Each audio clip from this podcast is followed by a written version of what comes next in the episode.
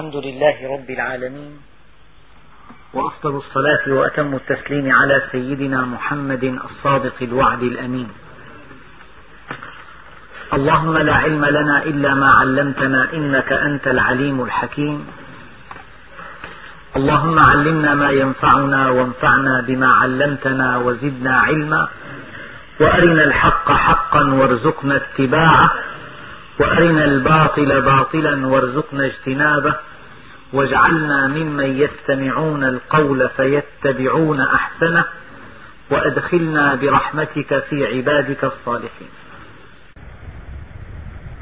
في الدرس الماضي أيها الإخوة الأكارم انتهت قصة يوسف عليه السلام.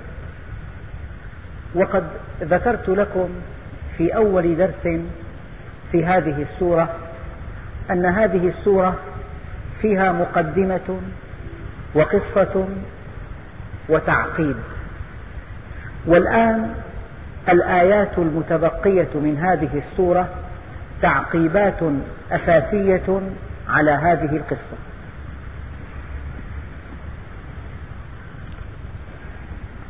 ربنا سبحانه وتعالى يقول ذلك من أنباء الغيب نوحيه إليك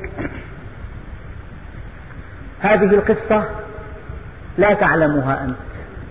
لم تكن في زمنها لم تكن في مكان وقوعها ولا في زمان وقوعها. بينك وبينها مئات السنين بل آلاف السنين. ذلك من أنباء الغيب نوحيه إليك. وما كنت لديهم إذ أجمعوا أمرهم وهم يمكرون. أولا ربنا سبحانه وتعالى في مطلع هذه السورة يقول وإن كنت من قبله لمن الغافلين ومعنى الغافلين أي لا تعلم أحداث هذه القصة.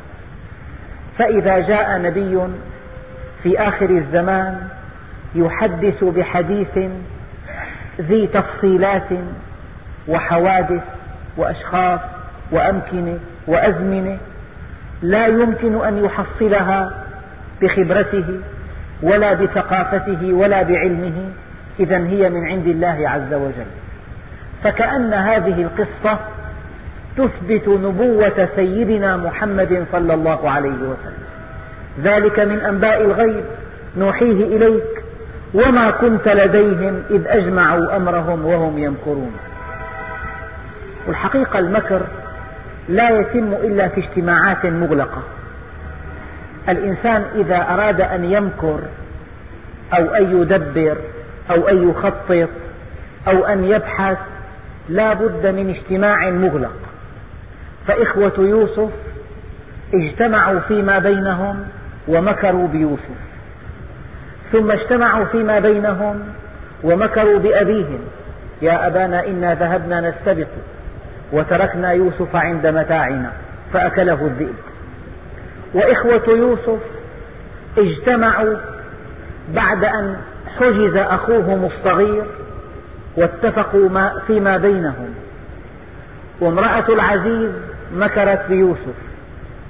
والنسوة في المدينة تحدثن عن امرأة العزيز. امرأة العزيز جمعت النسوة. كأن في هذه القصة حلقات كثيرة من التدبيرات أو من المكر. سيدنا يوسف دبر تدبيرا كي يحجز أخاه عنده فجعل صواع الملك في رحله. فربنا عز وجل كأنه حينما قال وما كنت لديهم إذ أجمعوا أمرهم وهم يمكرون أبرز ما في هذه القصة حلقات عديدة من المكر والتدبير. إن كانت لصالح بعضهم أو كانت لغير صالح بعضهم. على كل حلقات عديدة من المكر. لذلك جاءت هذه الكلمة لتعبر عن أبرز أحداث القصة وهو المكر. ذلك من أنباء الغيب. نوحيه إليك وما كنت لديهم. لا في زمانك ولا في مكانك. الأرض ليست أرضك والوقت ليس وقتك. ومع ذلك تأتيهم بقصة دقيقة متطابقة مع ما في كتبهم من التوراة والإنجيل. إذا أنت نبي. إذا هذه القصة دليل على نبوة النبي صلى الله عليه وسلم وعلى رسالته. فكل رسول نبي والعكس غير صحيح. شيء آخر. العلماء قالوا ليس القصد نفي حضوره بل إثبات نبوته. كلمة وما كنت لديهم. هذه متكررة. جاءت هذه هذا المعنى جاء في القرآن خمس مرات. قال تعالى وما كنت بجانب الطور إذ نادينا. قال تعالى وما كنت بجانب الغربي إذ قضينا إلى موسى الأمر. قال تعالى وما كنت لديهم إذ يلقون أقلامهم أيهم يكفل مريم. وإن كنت من قبله لمن الغافلين. ذلك من أنباء الغيب نوحيه إلي نوحيها إليك. وما كنت لديهم إذ أجمعوا أمرهم وهم يمكرون. أي هذه القصة بأحداثها وشخصياتها وعقدتها وملابساتها وبدايتها ونهايتها كانت غائبة عنك. وهذه القصة لا تعلمها ولا يمكن أن تعلمها إلا أن توحى إليك. إذا أنت نبي. وهذه القصة كما ذكرتها وردت عندهم في التوراة والإنجيل. إذا المصدر الذي أعطى المصدر الذي جاء منه القرآن الكريم والتوراة والإنجيل هو مصدر واحد وهو الله سبحانه وتعالى. ذلك من أنباء الغيب نوحيه إليك وما كنت لديهم إذ أجمعوا أمرهم وهم يمكرون. وما أكثر الناس ولو حرصت بمؤمنين. بعضهم يقول إن اليهود تحدوا النبي عليه الصلاة والسلام. فقالوا له إن كنت نبيا كما تزعم تتلو علينا قصة يوسف. فلما تلاها عليهم كفروا. كان من الممكن أن يؤمنوا. كانت تلاوة هذه القصة حجة عليهم. لذلك جاءت هذه الآية وعلاقتها بالتي قبلها أنه وما أكثر الناس ولو حرصت بمؤمنين. يعني الأكثرية ليست مؤمنة والأقلية مؤمنة. فيا أيها الأخ الكريم لا تكن مع الأكثرية لا تكن مع التيار العام لا تكن مع الخط العريض لا تكن مع صرعات الناس لا, لا ينبغي أن يشغلك ما يشغلهم ولا أن يؤلمك ما يؤلمهم ولا أن يسعدك ما يسعدهم. يجب أن تكون منفصلا عنهم لأن هذا الخط العريض هذا الخط العريض في المجتمع أو هذه الأكثرية الساحقة هذه تتبع شهواتها وتعنيها الدنيا راغبة في الدنيا. غافلة عن الآخرة متعلقة بحطامها متنافسة من أجلها غائصة إلى قمة رأسها في متعها. لذلك لا تكن مع الأكثرية كن مع الأقلية. قال تعالى وإن تطع أكثر من في الأرض يضلوك عن سبيل الله. يعني انظر إلى الأحجار. في بعض المحافظات إنها تغطي الأرض. ما أكثرها أما قطع الألماس ما أقلها. الشيء الثمين قليل والشيء الكثير لا قيمة له. لا تكن مع الدهماء لا تكن مع السوق لا تكن مع الرعاع. الإمام علي كرم الله وجهه يقول يا بني الناس ثلاثة. عالم رباني ومتعلم على سبيل نجاة وهمج رعاع. أتباع كل ناعق. لم يستضيئوا بنور العلم ولم يلجأوا إلى ركن وثيق. فاحذر يا كميل أن تكون منهم. لا تكن مع الرعاع. لا تكن مع أتباع كل ناعق لا تكن مع الدهماء لا تكن مع السوقة كن مع الأقلية الواعية كن مع الأقلية صاحبة المبدأ كن مع الذين يعنيهم أمر آخرتهم كن مع الذين يضعون مصلحتهم تحت أقدامهم إذا تعارضت مع مبادئهم. لا تكن مع الذين يغوصون في الدنيا إلى أعماقهم. وما أكثر الناس ولو حرصت بمؤمنين. وإن تطع أكثر من في الأرض يضلوك عن سبيل الله. وما يتبع أكثرهم إلا ظنا وإن الظن لا يغني من الحق شيئا. إن في ذلك لآية. وما كان أكثرهم مؤمنين.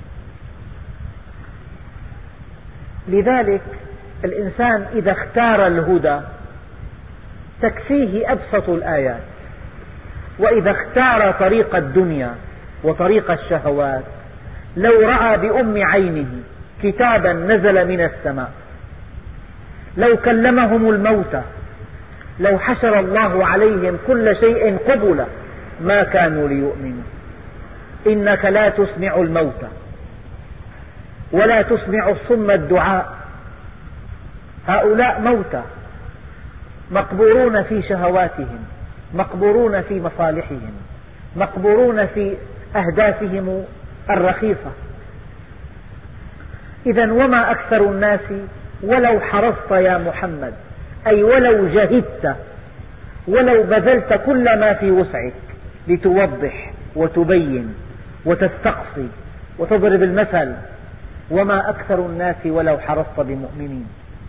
بمعنى أنه ليس عليك هداهم ولكن الله يهدي من يشاء. ليس عليك هداهم. الآية الثانية إنك لا تهدي من أحببت ولكن الله يهدي من يشاء. الإنسان مخير أعطي المشيئة فإذا شاء الهدى آمن من تلقاء ذاته آمن من كأس الماء رآه آية على عظمة الله. البحر ملح أجاج وهذا عذب فرات. من جعل هذا الملح الأجاج عذبا فراتا؟ الله سبحانه وتعالى. الذي يختار الإيمان يؤمن من خلال الآيات التي بثها الله في الأرض. أفرأيتم الماء الذي تشربون؟ أأنتم أنزلتموه من المزن أم نحن المنزلون؟ الماء آية. خلق الإنسان آية الشمس آية القمر آية ابنك آية الثمرة آية الفواكه آية المحاصيل آية الخضروات آية البساتين والأشجار المثمرة آية الحيوانات آية الأنعام آية هذه الغنمة التي سخرها الله لنا. نستفيد من لحمها. ومن صوفها ومن لبنها ومن جلدها ومن أحشائها ومن كل شيء فيها. وقد ذللها الله لنا جعلها مذللة. أولم يروا أنا خلقنا لهم مما عملت أيدينا أنعاما فهم لها مالكون؟ وذللناها لهم فمنها ركوبهم ومنها يأكلون. إذا وما أكثر الناس ولو حرصت بمؤمنين. لذلك الرأي العام قد لا ينطبق على الإيمان. الناس يتجهون إلى الدنيا إلى بيوتها إلى أراضيها إلى متعها إلى شهواتها إلى زخرفها إلى بهرجها ويضربون بالقيم عرض الحائط يقول لك من, من الآن وحتى الموت يخلق الله ما لا تعلمون. غدا أتوب. وما تسألهم عليه من أجر. إن هو إلا ذكر للعالمين. يعني النبي عليه الصلاة والسلام غني عن إيمانهم. لو أنهم آمنوا لما حقق فائدة مادية منهم. لأنهم لا يعطونه شيئا ولا يأخذون منه شيئا إذا كفروا. وما تسألهم عليه من أجر. يعني في واحد منا يستطيع يدخل لعند محامي من دون استشارة من دون مبلغ يدفعه استشارة. من منا يدخل إلى طبيب من دون أن يملك أجرة المعالجة؟ من منا يدخل إلى صيدلي من دون أن يملك ثمن الدواء؟ ما من خدمة تقدم لك في الدنيا إلا ولها مقابل. لا تستطيع أن تدخل إلى محل إلا وتملك الثمن. إلا أنك تستطيع أن تدخل إلى مجلس العلم لتستمع إلى الحق الذي يمكن أن ينقذك من الظلمات إلى النور ومن الشقاء إلى السعادة من دون أن تدفع شيئا. الحق مبذول للناس كلهم. الآن جامعة لو أن قسطها يزيد عن عشرة آلاف ليرة من يستطيع دخول هذه الجامعة؟ إلا الأغنياء. إن كان للجامعة قسط مرتفع معنى ذلك أن التعليم الجامعي صار حكرا على الأغنياء. لو أن الله سبحانه وتعالى كلف طلاب العلم أقساطا باهظة أو نفقات كبيرة لكان طلب العلم قاصرا على الأغنياء. ولكن الله سبحانه وتعالى لحكمة أرادها جعل الحق بلا مقابل. جعل الحق مبذولا للخلق كلهم. لذلك وما تسألهم عليه من أجر. لو سألتهم أجرا لشكوا في نواياك. لو سألتهم أجرا لشكوا في مبادئك. ولكنك لا تسألهم أجرا. إذا هو منزه عن الأجر. لما سيدنا جعفر ابن أبي طالب كان في الحبشة وسأله النجاشي عن دعوة النبي عليه الصلاة والسلام قال أيها الملك كنا قوما أهل جاهلية نعبد الأصنام ونأكل الميتة ونسيء الجوار ونأتي الفواحش ونضيع الأمانة ويأكل القوي منا الضعيف. هذه الجاهلية. هذه الجاهلية الأولى وهذه الجاهلية الآخرة. وهذه هي طبيعة الجاهلية.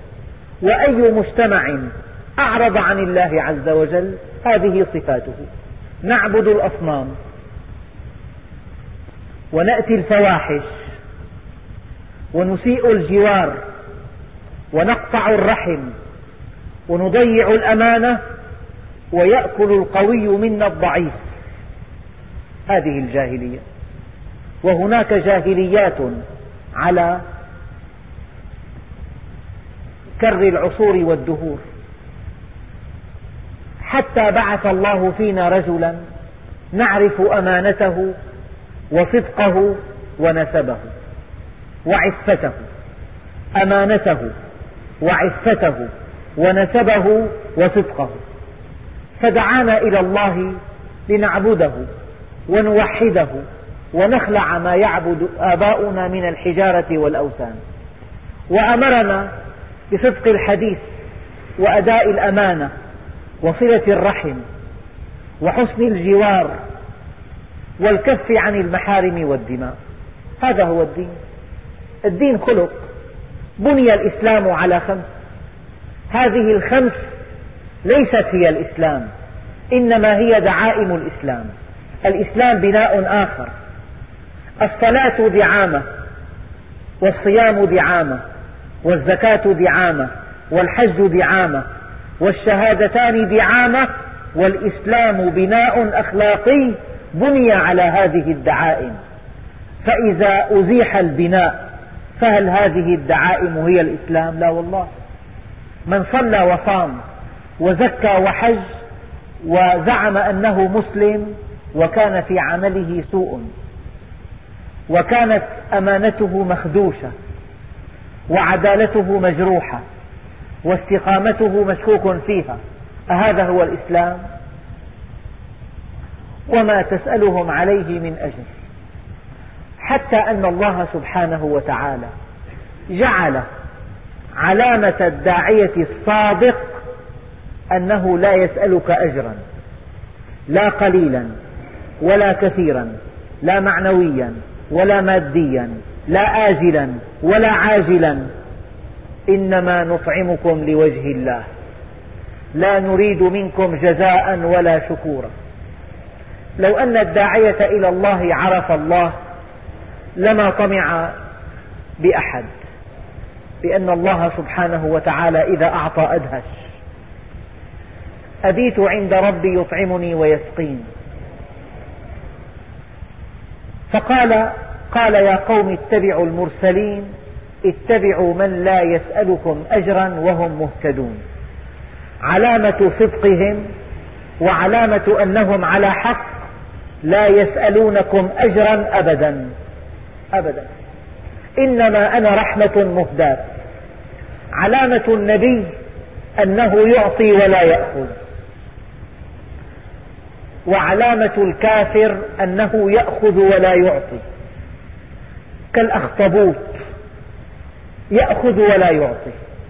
أما النبي الكريم يعطي ولا يأخذ. لذته في العطاء لا في الأخذ. والمنحرف الخطير يأخذ ولا يعطي. وعامة الناس بين بين يأخذون ويعطون. فيا من جئت الحياة فأعطيت ولم تأخذ. يا من قدست الوجود ورعيت قضية الإنسان. يا من زكيت سيادة العقل ونهنهت غريزة القطيع. يا من هيأك تفوقك لتكون واحدا فوق الجميع فعشت واحدا بين الجميع. هذا إهداء قرأته في كتاب يتحدث عن النبي عليه الصلاة والسلام. يا من جئت الحياة فأعطيت ولم تأخذ. راقب نفسك. أتحب الأخذ أم العطاء؟ هناك من يحبون الأخذ. من يحبون أن يغنوا ولو على حساب الناس. أن يشبعوا ولو على جوع الناس. أن يكبروا ولو على أشلاء الناس. أتحب أن تسعد الآخرين؟ أتحب أن تخدم الناس؟ أتحب أن تكون مفتاح الخير لا مفتاح الشر؟ أتحب أن تكون أن تقضى على يدك حوائجهم؟ إذا أحب الله عبدا جعل حوائج الناس إليه. الخير بيدي والشر بيدي. فطوبى لمن قدرت على يده الخير والويل لمن قدرت على يده الشر. إذا أردت أن تعرف مقامك فانظر فيما استعملك. راقب عملك. هل عملك فيه عطاء أم فيه أخذ؟ هل عملك يبنى على إيذاء الناس أم على إكرام الناس؟ شتان بين العملين. لذلك إن روح القدس نفست في روعي. أن نفسا لن تموت حتى تستوفي رزقها. فاتقوا الله عباد الله. وأجملوا في الطلب واستجملوا مهنكم. لا ترضى بمهنة سيئة. اختر مهنة صالحة فيها نفع عميم. لا تجعل مهنتك فتنة. الفتنة نائمة لعن الله من أيقظها. هناك أعمال مبنية على إثارة الفتن أو على فتنة النفوس في الدنيا. أو على بيع بضاعة محرمة أو على التعامل بمواد محرمة. إن روح القدس نفثت في روعي أن نفسا لن تموت حتى تستوفي رزقها فاتقوا الله عباد الله وأجملوا في الطلب واستجملوا مهنكم. شيء آخر مما يدل على عدالة الله عز وجل أن الحق جعله مبذولا. الخلق كلهم عيال الله.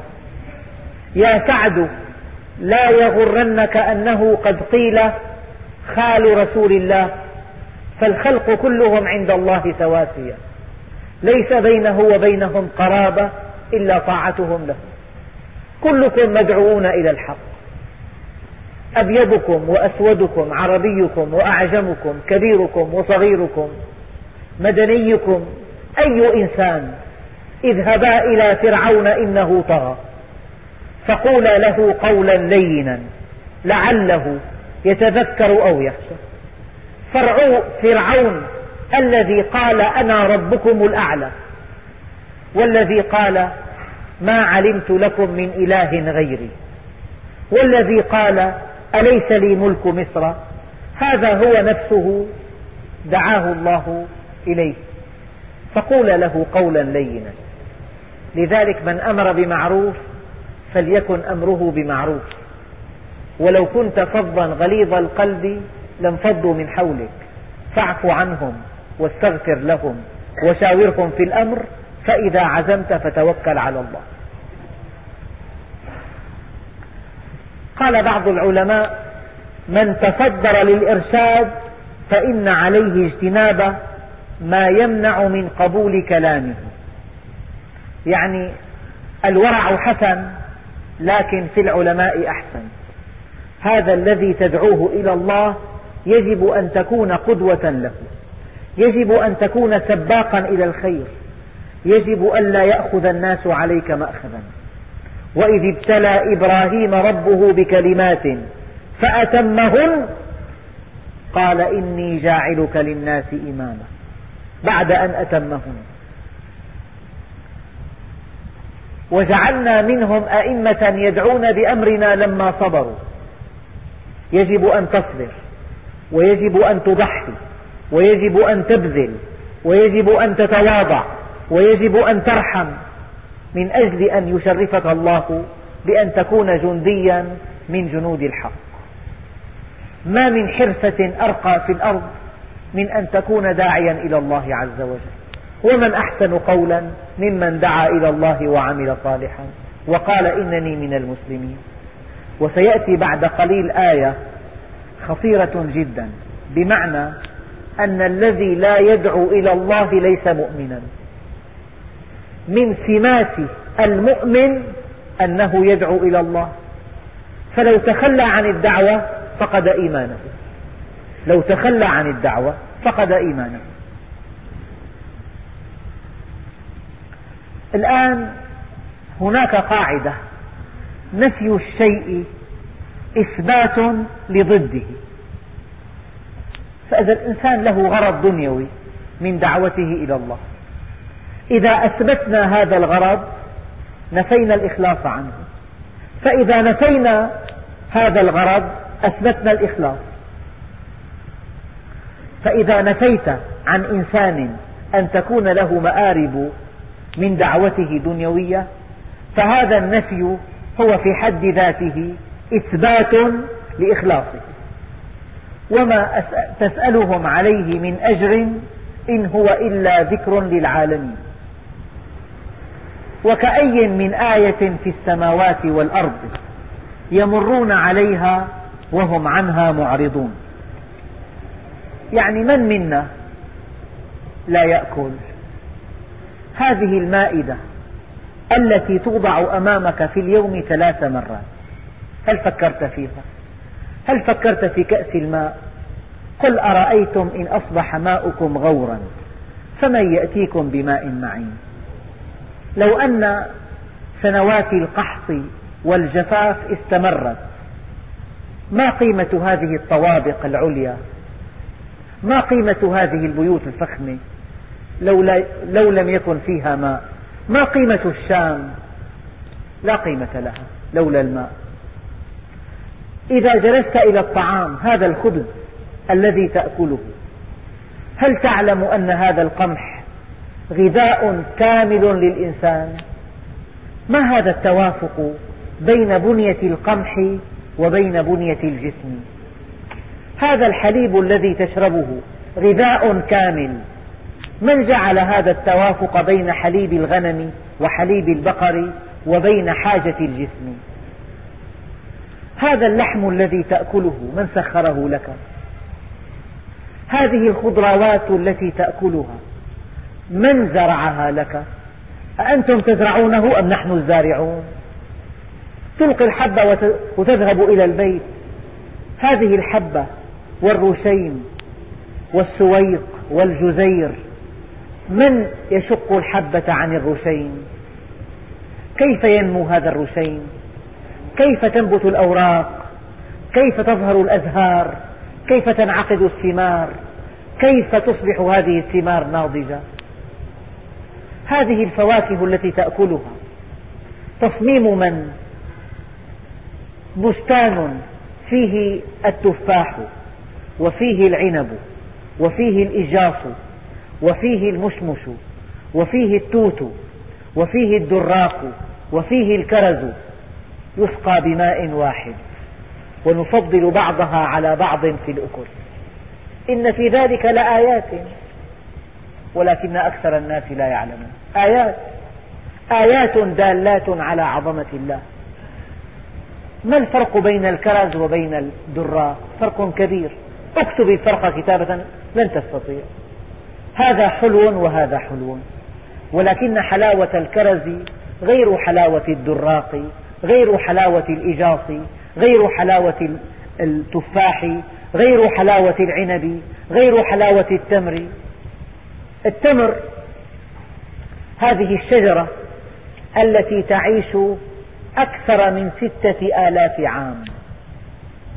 هناك أشجار نخيل قبل سيدنا عيسى بكثير قبل الميلاد. هذا التمر الذي فيه مادة سكرية تتمثل في أقل من عشرين دقيقة. من الفم إلى الدم في عشرين دقيقة. فيه مادة تمنع النزيف. فيه مادة تمنع آه، الكتم ملينة. فيه مادة تغذي الدماغ. يعني آيات بليغات عن التمر. هذا العنب. لو أمسكت بعنقود العنب بكلتا يديك وشددته وتعلقت به لما انقطع. فإذا فعلت هكذا انقطع.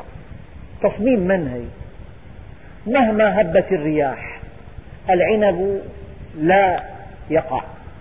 لكنك إذا حركت العنقود حركة معاكسة لزاوية آه، ذنبه ينقطع فورا. في تصميم من جعل هذه الفواكه تنمو تباعا؟ الكرز أولا ثم المشمش ثم الدراق ثم الإجاف ثم التفاح. ثم العنب ثم التين. لو, لو أن هذه الفواكه تنضج جميعا في يوم واحد أو في أسبوع واحد لأتلفت لأتلفت. لم نستفد منها. نستفيد منها إذا نضجت تباعا.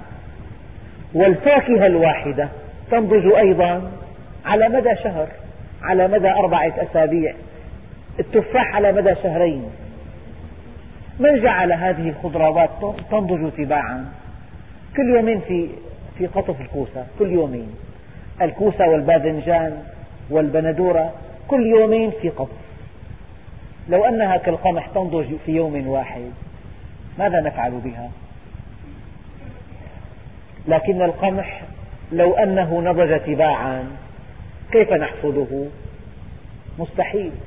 القمح والحمص والعدس والشعير هي المحاصيل من آيات الله الدالة على عظمته أنها تنضج في يوم واحد. رحمة بنا. وكأي من آية في السماوات والأرض. القمر آية. قلب العقرب آية يسع الأرض والشمس مع المسافة بينهما. الشمس آية. يزيد حجمها عن حجم الأرض بمليون وثلاثمئة ألف مرة. يعني الشمس تتسع لمليون وثلاثمئة ألف أرض. ويزيد لسان اللهب طولا عن مليون كيلومتر. لسان اللهب. الشمس آية. درب التبان آية. درب التبان طوله مئة ألف مئة وخمسين ألف سنة ضوئية. بينما القمر يبعد عن الأرض ثانية ضوئية واحدة. هؤلاء الذين قالوا غزونا الفضاء ما تجاوزوا من الفضاء إلا ثانية ضوئية واحدة. بينما درب التبان طوله 150 ألف سنة ضوئية. أقرب نجم إلينا نجم القطب أربعة آلاف سنة, سنة ضوئية. لو ركبنا إليه سيارة لاحتجنا كي نصله إلى 27 مليون مليون سنة. أقرب نجم في الكون. إلينا نجم القطب. وهناك مجرات تبعد عنا ثمانية عشر ألف مليون سنة ضوئية. وكأي من آية في السماوات والأرض يمرون عليها وهم عنها غافلون. معرضون. في العين مادة مضادة للتجمد. لو ذهبت إلى فنلندا إلى سيبيريا وكانت الحرارة دون الخمسين تحت الصفر لولا أن في العين هذه المادة لعمي الناس كلهم هناك. هذا الماء الذي في العين يتجمد لكن في ماء العين مادة مضادة للتجمد. هي آية من آيات الله. هذا الماء الذي نشربه. عنصر. ما, ما في الأرض من عنصر إلا إذا تجمد انكمش. أبدا. أي عنصر إذا تجمد انكمش؟ إلا الماء. إذا تجمد توسع. لولا هذه الخاصة من منكم يصدق ذلك؟ لولا هذه الخاصة لما كنا جميعا في هذا المسجد. لما بقي على وجه الأرض إنسان ولا حيوان ولا نبات. لأن هذا الماء لو أنه تجمد فانكمش أي قلت كثافته أي, أي زادت كثافته لغاص في أعماق البحار. يتجمد البحر من السطح يهبط في الأسفل. على مدى مئة عام تصبح البحار كلها متجمدة. فإذا أصبحت البحار متجمدة انعدم التبخر ومع انعدام التبخر تنعدم الأمطار فيموت النبات فيموت الحيوان فيموت الإنسان. هذه الخاصة توسع الماء إذا تجمد.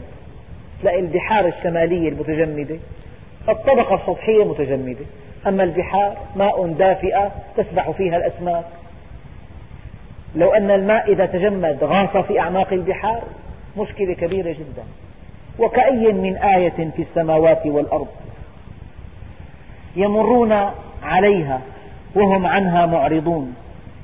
الغنم يعني إذا قلنا أن كل خمسة آلاف إنسان كل خمسة آلاف إنسان يصيبهم في اليوم رأس غنم واحد. يجب أن يكون أن يذبح في كل يوم مليون رأس غنم على مدار سنة 365 مليون رأس. لو مثلنا هذا الرقم بنهر لكان نهرا يفوق أضخم أنهار العالم. غنم للطعام. لو مثلنا الحليب الذي يحلب من الأبقار كلها في أنحاء العالم لكان نهرا يزيد عن نهر الأمازون 300 ألف متر مكعب بالثانية. هذا عطاؤنا. نهر من الحليب ونهر من الغنم ونهر من من المحاصيل. هلأ دمشق هذه البيوت اصعد إلى جبل قاسيون. وألق نظرة على دمشق من علم. ما من بيت إلا وفيه سكر وشاي وبن ورز ومونة.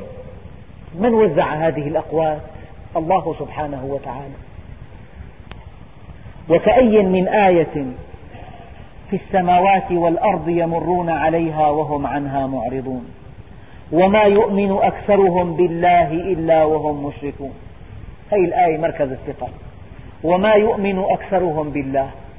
مؤمن يشهد أن لا إله إلا الله وهو مشرك. يصلي وهو مشرك. يزكي وهو مشرك. يحج البيت وهو مشرك.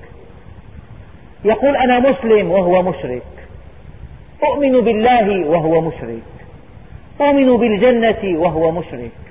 وما يؤمن أكثرهم بالله إلا وهم مشركون. العلماء لهم في هذه الآية أقوال عديدة. بعضهم قال يؤمن أكثرهم باللسان وهم مشركون بالقلب.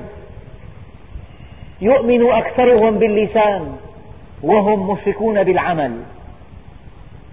يؤمنون في الشدة ويشركون في الرخاء. باللسان والعمل باللسان والقلب بالشدة والرخاء. والعلماء قالوا هناك شرك في الطاعة فالذي يطيع غير الله هو عند الله مشرك. وهناك شرك في النية الذي ينوي في قلبه التقرب إلى فلان من دون الله عز وجل فهو مشرك. وهناك شرك في الوجهة الذي يتوجه بكليته إلى غير الله فهو مشرك. وهناك شرك في العمل الذي يعمل لغير الله فهو مشرك.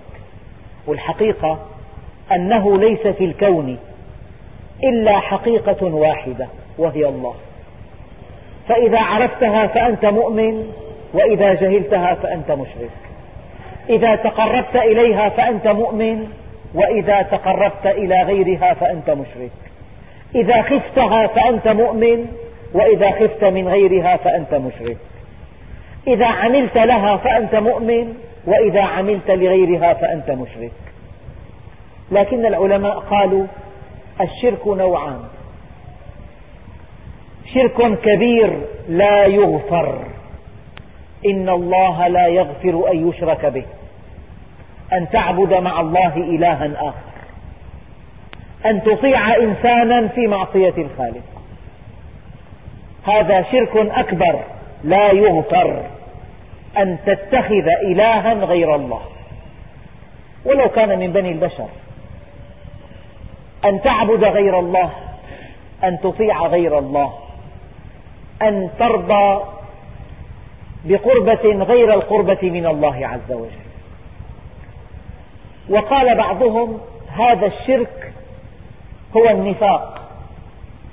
ذلك المنافق يعمل إذا عمل رياء الناس وهو مشرك بعمله. وهناك حديث قدسي يقول أنا أغنى الأغنياء عن الشرك. من عمل عملا أشرك فيه معي غيري تركته وشركه. لا أقبله. أنا أغنى الأغنياء عن الشرك. ومن كان أشرك في عمل عمله لله فليطلب ثواب هذا العمل من عند غير الله. فإن الله أغنى الأغنياء عن الشرك. والنبي عليه الصلاة والسلام يقول أخوف ما أخاف على أمتي الشرك الخفي. أما إني لست أقول إنكم تعبدون صنما ولا حجرا ولكن شهوة خفية وأعمال لغير الله. هذا هو الشرك. الشرك أخفى من دبيب النملة السوداء. على الصخرة الصماء في الليلة الظلماء. معروف الحديث. تتمته وأدناه أن تحب على شيء من الجور وأن تبغض على شيء من العدل. يعني إذا أحببت صديقا لك ليس مستقيما جائرا قليلا منحرفا قليلا إذا أحببته فأنت مشرك. وإذا نصحك ناصح وكان في نصيحته منصفا فكرهته فأنت مشرك. وأدناه أن تحب على شيء من الجور وأن تبغض على شيء من العدل. ومن الناس من يتخذ من دون الله أندادا يحبونهم كحب الله. هذا هو الشرك. تالله إن كنا لفي ضلال مبين إذ نسويكم برب العالمين. هذا هو الشرك. قال كيف يسوى؟ من, من خلق من تراب برب الأرباب. كيف يسوى؟ العبيد بمالك الرقاب. يعني أنت إذا أطعت فلانا وعصيت الله هل تعلم أنك جعلت من هذا الإنسان خالقا؟ رفعته إلى مستوى الخالق؟ يعني هذا شيء كبير خالق السماوات والأرض. من بيده كل شيء يطعم ولا يطعم. بيده مقاليد السماوات والأرض. إليه يرجع الأمر كله. هو القديم الأزلي. الأبدي السرمدي لا شيء قبله ولا شيء بعده بيده الأمر. تعصيه وتطيع مخلوقا يفنى يموت. كل مخلوق يموت ولا يبقى إلا ذو العزة والجبروت. أيعقل هذا؟ أيعقل أن تسوي رب العالمين ببعض البشر؟ أو أن تسوي بعض البشر برب العالمين؟ سبحان الله إن الشرك لظلم عظيم. ظلم لهذه النفس.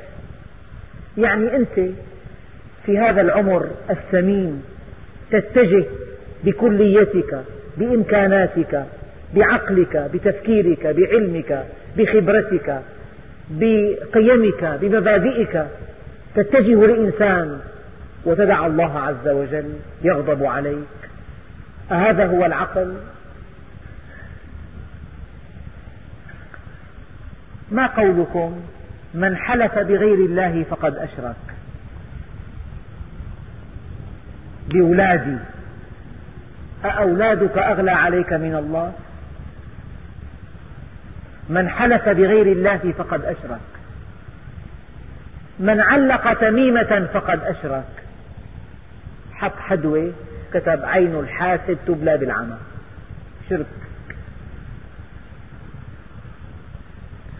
من ردته الطيرة عن حاجته فقد أشرك. بده يسافر فما في غير يوم الأربعاء سفر قال الأربعاء بسافر أنا.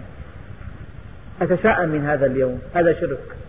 من ردته الطيرة عن حاجته فقد أشرك. لا تشاؤم ولا طيرة ولا عدوى ولا هامة. من أتى كاهنا فصدقه فقد كفر. من أتى ساحرا فلم يصدقه لم تقبل له صلاة أربعين صباحا. هذا كله شرك. إذا قرأت في المجلات حظك هذا الأسبوع أنت ولدان بكانون أول طلع برج الدب مثلا. طلع. هذا شرك. هذا شرك. إذا جلست إلى ساحر ولم تصدقه لم تقبل لك صلاة أربعين صباحا. رقم 13 ما عجبني. شرك. فات زبون فات صديقك على المحل قامت بيعة فأسة أخي هذا هذا منحس شرك. ما له علاقة. هذا كله كلام لا معنى له. فلذلك باب الشرك واسع. اللهم بك أن أشرك بك. وأنا لا أعلم.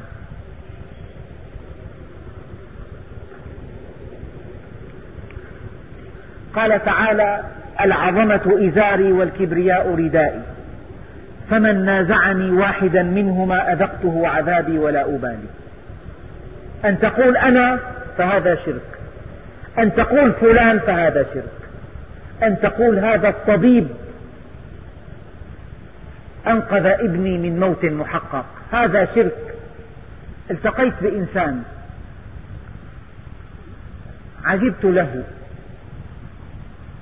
حينما تكلم وضع يده هنا وضغط زرا فتكلم. قال أنا استؤصلت حنجرتي. وذكر دولة أجنبية هؤلاء الذين أنقذوا حياتي أنقذوني من السرطان. ركبوا لهذه الحنجرة. هم إنسانيون أصحاب مبادئ. يعني عزى كل الفضل إليهم. ونسي الله سبحانه وتعالى. هذا شرك.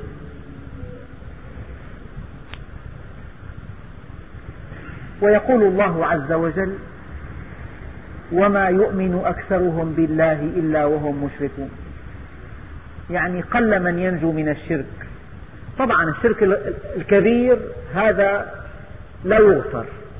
لكن الشرك الصغير أن تحب إنسانا وفيه بعض الانحراف. يعني بتحبه محبة بالغة بس العصر ما صلى قدامك. يلا ماشي. الحال ولا زلت على محبته. شرك هذا. واحد نصحك نصيحة انزعجت تجرأ عليه هذا شرك. أحببت إنسانا ونسيت الله سبحانه وتعالى هذا شرك. أفأمنوا أن تأتيهم غاشية من عذاب الله؟ أو تأتيهم الساعة بغتة وهم لا يشعرون؟ هذا الذي أشرك فلانا أحبه وعصى الله أطاعه وعصى الله أرضاه وأغضب الله. تقرب إليه وابتعد عن الله. تعلق به ونفر من الله. هذا الذي أحب مخلوقا ونسي الخالق. هل يأمن من عذاب الله؟ قال أحد الولاة جاءته رسالة من الخليفة وفيها توجيه بظلم وعنده أحد التابعين. فقال ماذا أفعل يا فلان؟ هذه هذا أمر من يزيد ماذا أفعل؟ فقال هذا التابعي كلمة تكتب بماء الذهب. قال إن الله يمنعك من يزيد ولكن يزيد لا يمنعك من الله. يعني إذا أطعت فلان وعصيت الله والله سبحانه وتعالى قدر عليك مرضا عضالا. ماذا تفعل؟ فلان ينجيك لا يزيد عن أن يبعث لك باقة ورد. متمنيا لك الشفاء العاجل وقد لا يكون هذا الشفاء. الكليتان بيد من لو توقفتا عن العمل. وحتى هذه الساعة لا يعرف العلم سبب التوقف. هذا مرض خطير اسمه توقف مفاجئ هبوط مفاجئ في عمل الكليتين.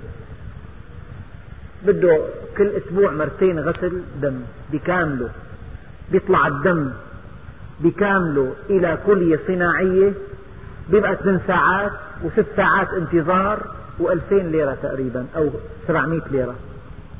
أو بدك إعفاء تقعد هيك عشر أسابيع بهاليد. بعدين تتفقد عشرة بهاليد. عشرة بالرجل عشرة بالرجل. ما عاد في محلات فتح شريان وأخذ الدم بكامله وغسيله لو توقفت هاتان الكليتان عن العمل فجأة ماذا تعمل؟ لو توقف نقي العظام عن صنع الكريات الحمراء ماذا تعمل؟ لو نمت بعض الخلايا نموا عشوائيا وأخذت خزعة إلى التحليل وقيل هذا ورم خبيث هذا الذي أطعته من دون الله ماذا يفعل معك؟ هل يقول لهذه الخلايا قفي عن النمو بيقدر يعملها هي؟ ما بيقدر. لو تعب هذا القلب هذا الذي أطعته من دون الله ماذا يفعل؟ ماذا يقدم لك؟ إن الله يمنعك من يزيد ولكن يزيد لا يمنعك من الله. لذلك من البديهيات أنه لا طاعة لمخلوق في معصية الخالق. جاء بعض الخلفاء إلى الحج وكان في الحرم المكي فقال فالتقى بعالم جليل. فقال لهذا العالم سلني كل حاجتك. ملك سلني كل حاجتك. فقال والله أستحي وأنا في بيت الله أن أسأل غير الله.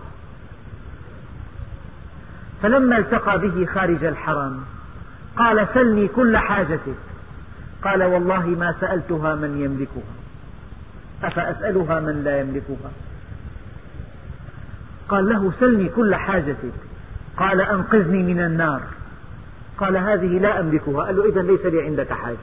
هذه عندك حاجة. استغني عن الرجل تكن نظيره واحتج إليه تكن أسيره. استغني عنه تكن نظيره واحتج إليه تكن أسيره. قال له يا أبا حنيفة لو تغشيتنا نأنس بك نسعد بقربك نفتخر بك. قال ولم أتغشاكم؟ وليس لي عندكم شيء أخافكم عليه. وهل يتغشاكم إلا من خافكم على شيء؟ لا ينبغي للمؤمن أن يذل نفسه. ابتغوا الحوائج بعزة الأنفس فإن الأمور تجري بالمقادير. شرف المؤمن قيامه بالليل وعزه استغناؤه عن الناس. فلا تدع مع الله إلها آخر فتكون من المعذبين. ما بتنام الليل. والله أنا ما حكيت هالكلمة. قال إنه أنا حكيتها. كيف بدي أرضيه ما بتنام ليلتها الإنسان لئيم ومعلوماته قاصرة. فقد يسمع فيك قولا ما قلته ويحكم عليك وأنت بريء. لذلك فلا تدع مع الله إلها آخر فتكون من المعذبين. إرضاء الناس غاية لا تدرك.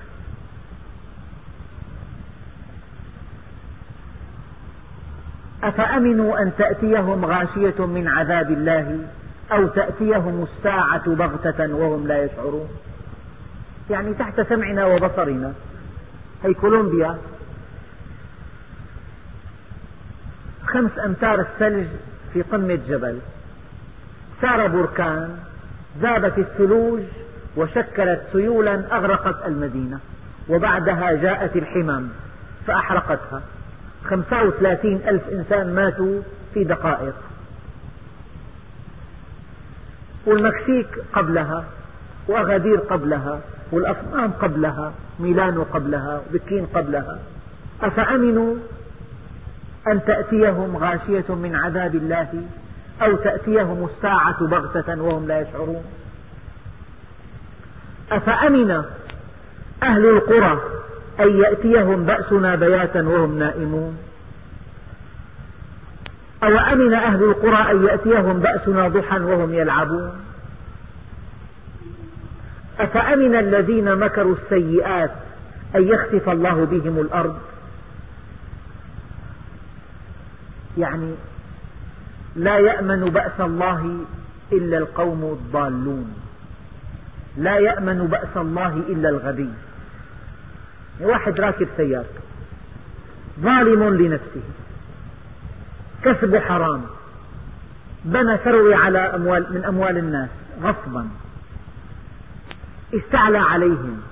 ضايقهم. راكب سيارته. ماشي. دخت مطار خفيفة. وضع رجله على المكبح فتلت فات بشحن. نزعوا رأسه المقعد الخلفي. ثواني. من أنت؟ يعني حركة أحيانا بتوقف بينفجر شريان بالدماغ يكون قاعد يعمل هيك نهائي انتهى.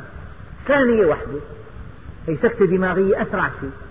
بينفجر شريان بالدماغ بيطلع الضغط قليلا ل 22 شريان بينفجر بيمشي الدم بالدماغ بينتهي عمل هيك ما قام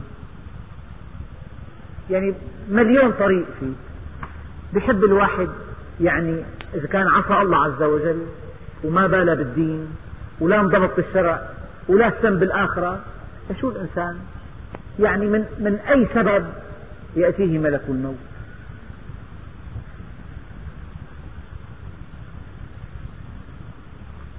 قل هذه سبيلي أدعو إلى الله على بصيرة أنا ومن اتبعني وسبحان الله وما أنا من المشركين. هذه سبيلي.